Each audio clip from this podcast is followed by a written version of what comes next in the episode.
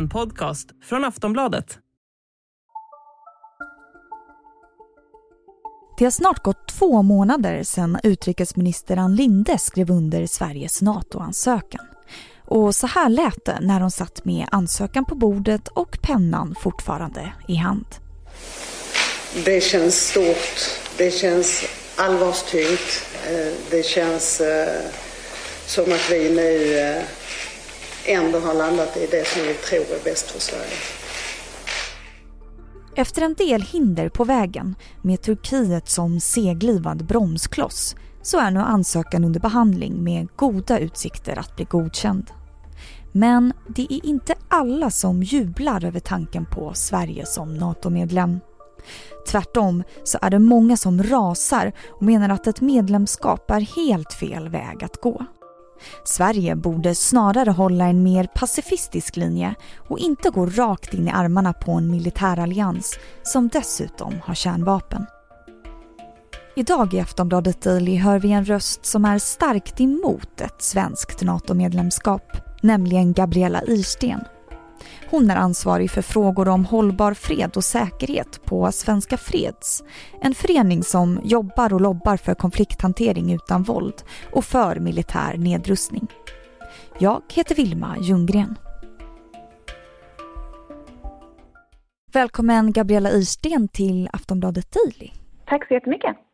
Blev ni förvånade när Sverige meddelade att man skulle ansöka om NATO-medlemskap? Ja, inte vid själva pressträffen där den 15 maj tror jag det var. Där hade man ju följt eh, all mediebevakning och så vidare och den skenprocessen som pågick som ändå var tydlig med vilket håll den gick. Så just då blev vi kanske inte så förvånade. Men i och med att Socialdemokraterna ändå hade ett kongressbeslut från november 2021 där man säger att man inte ska gå med i NATO och att Andersson, Magdalena Andersson var ute i början av mars och sa att gå med i NATO i det här läget skulle bara eh, förvärra situationen. Så i och med själva processen så absolut så, kan, eh, så var vi förvånade. Och vi har även varit i kontakt med aktiva socialdemokrater som under den här processen har berättat om de här så kallade mötena med partiledningen och sånt, att de har varit odemokratiska eh, och inte lyssnat på alla. Eh, alla fick inte komma till tals. Så att själva beslutet, inte så förvånad, men när processen började finns, fanns vi absolut, eh, var vi absolut förvånade. Och ni är ju en organisation som tar tydligt ställning mot NATO. Hur kändes det när beskedet kom?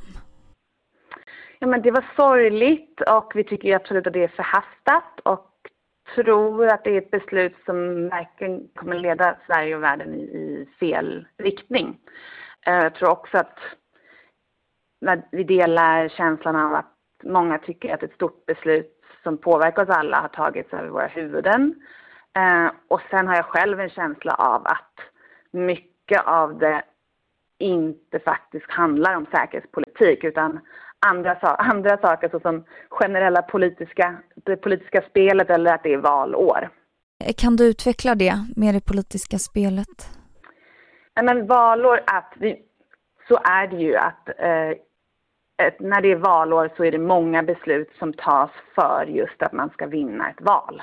Och så är det ju, det vet vi alla sedan innan. Så det är klart att det också har spelat in här. Eh, och då är det kanske inte säkerhetsfrågan i sig som har legat, alltså det, eh, gör det oss säkra eller inte att gå med i NATO, utan då kanske andra faktorer såsom att vinna valet och så vidare eh, också har spelat en roll. Och ni är ju emot svenskt NATO-medlemskap. Vilket är ert främsta argument? Ja, men huvudanledningen är ju att ett NATO-medlemskap verkligen, vi ser verkligen att det skulle göra Sverige eller världen till en säkrare plats. Eh, och som medlemmar så kommer Sverige bli en del av en kärnvapenallians och vår röst och vårt agerande för demokrati och mänskliga rättigheter och nedrustning och förebyggande av konflikter kommer försvagas. Och det har vi ju sett nu också i och med avtalet med Turkiet bland annat. Eh, och det kommer ju, in, det kommer ju fortgå även inom när man väl är medlem. Och det går inte att skapa långsiktig säkerhet med hjälp av militära allianser och militära medel. Speciellt inte med odemokratiska länder. Eh, utan vi ser ju också att NATO istället riskerar att Sverige kanske dras in i krig och väpnade konflikter snarare.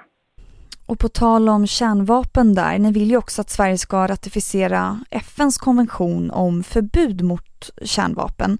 Går det för Sverige att göra det samtidigt som man är med i NATO? Det går absolut. Det kommer vara väldigt svårt och det är inget NATO-land som har gjort det ännu. Men i och med att Natos kärnvapendoktrin eh, inte står med i det faktiska eh, NATO-avtalet. Det är ju NATO-avtalet, alltså Nordatlantiska avtalet, som är det lagligt bindande. Och eftersom kärnvapen inte står med där så skulle man inte bryta juridiskt mot någonting utan man istället, så det går absolut. Men det skulle ju vara tufft och, och mycket arbete skulle krävas för man är ju aktiv i en kärnvapenallians. Så då måste man ju tydligt ta avstånd från alla Natos eh, kärnvapenaktiviteter såsom att vara med och planera hur kärnvapen skulle användas, eh, hur, eh, eller vara med och öva kärnvapenövningar som Nato håller på med. Men även då tydligt visa att, eh, med en lagstiftning att Sverige inte vill ha kärnvapen på svensk mark, vare sig i krig eller fred. Och det skulle ju Sverige behöva göra, alla de här sakerna skulle Sverige behöva göra om man gick med i FNs kärnvapenförbud. Aftonbladet Daily är strax tillbaka. A lot can happen in the next three years. Like a chatbot may be your new best friend. But what won't change? Needing health insurance. United Healthcare Tri Term Medical Plans are available for these changing times. Underwritten by Golden Rule Insurance Company, they offer budget-friendly, flexible coverage for people who are in between jobs or missed open enrollment. The plans last nearly three years in some states, with access to a nationwide network of doctors and hospitals. So for whatever tomorrow brings, United Healthcare Tri-Term Medical Plans may be for you. Learn more at uh1.com. Svenska Fred säger att de, alltid och utan undantag, tror på icke-våld. De vill hellre att Sverige jobbar för internationellt samarbete och konfliktförebyggande åtgärder än att vi går med i militära allianser och rustar upp. Så hur skulle ett sådant förhållningssätt kunna se ut när det gäller till exempel Ukraina-kriget? Vi hör Gabriella Irsten igen. För det första så tycker vi redan nu eh, att Sverige borde eh, ingå mer och pusha mer för diplomatiska samtal och, och medlingsförsök. Eh, det har ju till och med Sverige i den FN-generalförsamlingsresolution som röstades igenom i början av mars, tror jag det var. Den röstade ju Sverige för. Då. Där står det och kräver att, man, att FN till exempel ska medla i konflikten. Och där borde ju Sverige definitivt ge ett större stöd och driva på olika initiativ och det är ju ingenting vi hör om. Men det är mycket av det som faktiskt görs nu som vi, som vi stöttar och tycker är bra. Sanktioner, stöd av humanitära korridorer och ta emot ukrainska flyktingar, humanitärt stöd och att man ja, men, lägger upp planer för hur man ska bygga upp Ukraina efter kriget är slut och så. Så det är mycket vi stödjer som, som görs nu också. Men vem vet, hade vi lagt alla de resurser som vi idag lägger på att stoppa kriget och hjälpa människor i Ukraina så hade vi, så hade eh, situationen kanske sett annorlunda ut. Så vi vill ju först och främst att man faktiskt börjar ta konfliktförebyggande på allvar och det tycker vi inte att man har gjort i den här situationen. Man borde ju såklart ha avslutat olja och gas, eh, eh inköpen av Ryssland för länge sedan. Också Sverige eh, och eh, Vattenfall har ju länge köpt eh, uranium ur, från Rosatom, ryskt kärnvapenföretag, borde man också inte ha gjort. Och Sverige har även halverat stödet för um, demokratikämpar i Ryssland sedan 00-talet tror jag det är, så ungefär stödet till dem halverats när det snarare borde ha gått upp när man har sett uh, utveckling. Så det finns mycket vi, vi Sverige kunde ha gjort. Uh, sen kan man ju aldrig, Putin är en, uh, en odemokratisk ledare så man kan ju aldrig förutsätta vad som hade skett om vi hade gjort någonting annorlunda men det finns definitivt saker vi kunde ha gjort annorlunda och vi borde ha gjort annorlunda. Mm. Det var ju ett långdraget drama kan man säga huruvida Turkiet skulle släppa fram Sveriges NATO-ansökan eller inte. Och på vägen där så fick ju Sverige lova Turkiet en hel del saker, framförallt gällande kurderna. Vad tycker ni om de löftena som man gav Turkiet? Nej men Sverige har ju gett med sig ett krav från en odemokratisk ledare. Det här kommer och kan leda till ännu större eh, mänskliga rättighetskränkningar. Eh, och Turkiet har ju också eh, i sin tur också en, eh, en folkrättsvidrig invasion på sin nacke.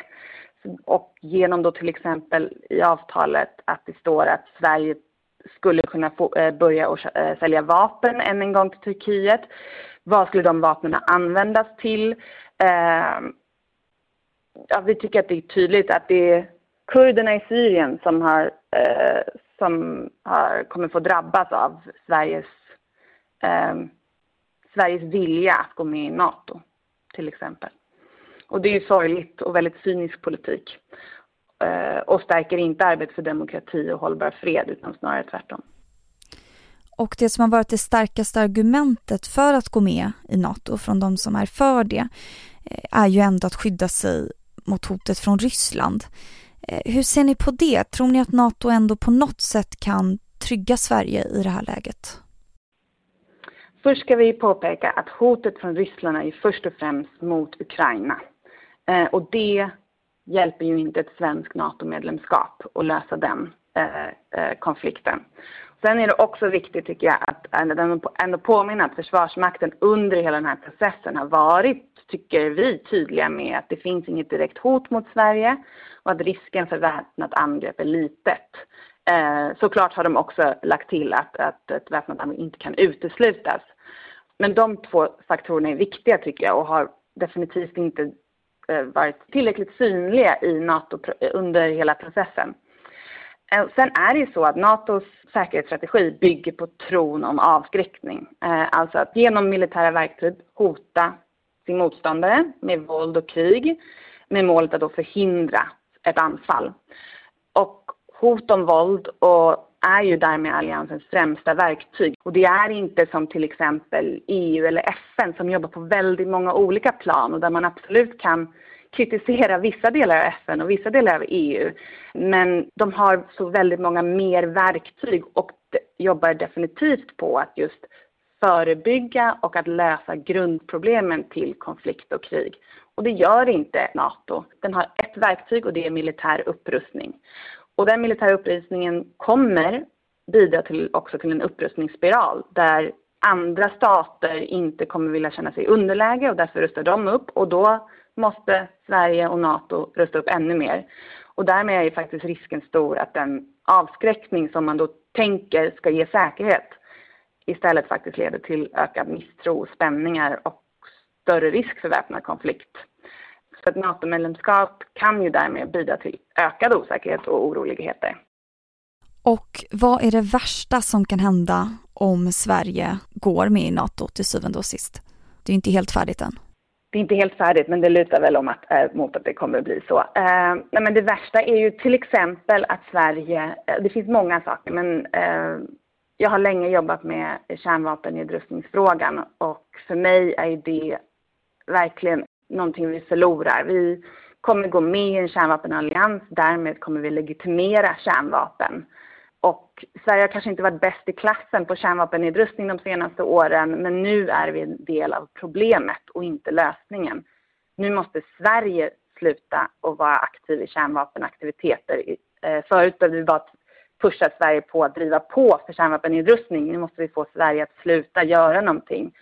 Och det finns ju ingen, tänker jag, som tror att, att fler länder lägger sig under NATOs kärnvapenparaply kommer bidra till att ryska kärnvapenhot minskar.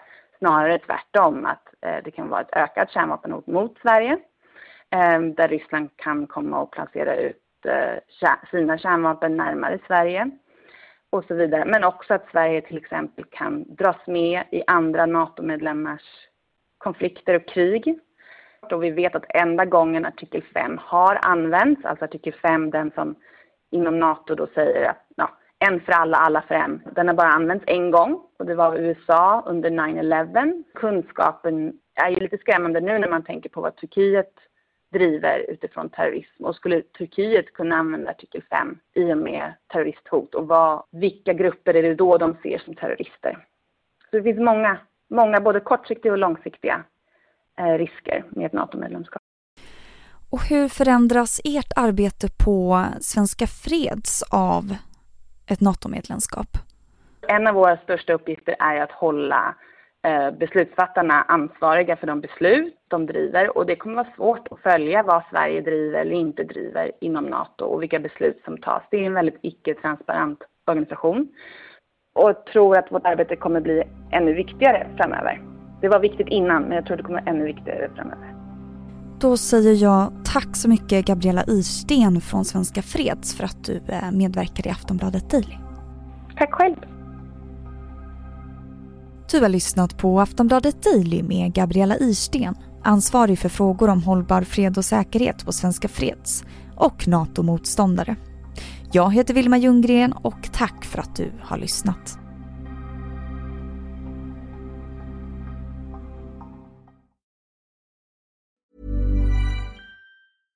Flexibility is great. That's why there's yoga. Flexibility for your insurance coverage is great too. That's why there's United Healthcare Insurance Plans. Underwritten by Golden Rule Insurance Company, United Healthcare Insurance Plans offer flexible, budget friendly coverage for medical, vision, dental, and more. One of these plans may be right for you if you're, say, between jobs, coming off your parents' plan, turning a side hustle into a full hustle, or even missed open enrollment. Want more flexibility? Find out more about United Healthcare Insurance Plans at uh1.com. Du har lyssnat på en podcast från Aftonbladet. Ansvarig utgivare är Lena K Samuelsson. Tired of ads barging into your favorite news podcasts? Good news. Ad-free listening is available on Amazon Music for all the music plus top podcasts included with your Prime membership. Stay up to date on everything newsworthy by downloading the Amazon Music app for free or go to amazon.com slash news ad free. That's amazon.com slash news ad free to catch up on the latest episodes without the ads.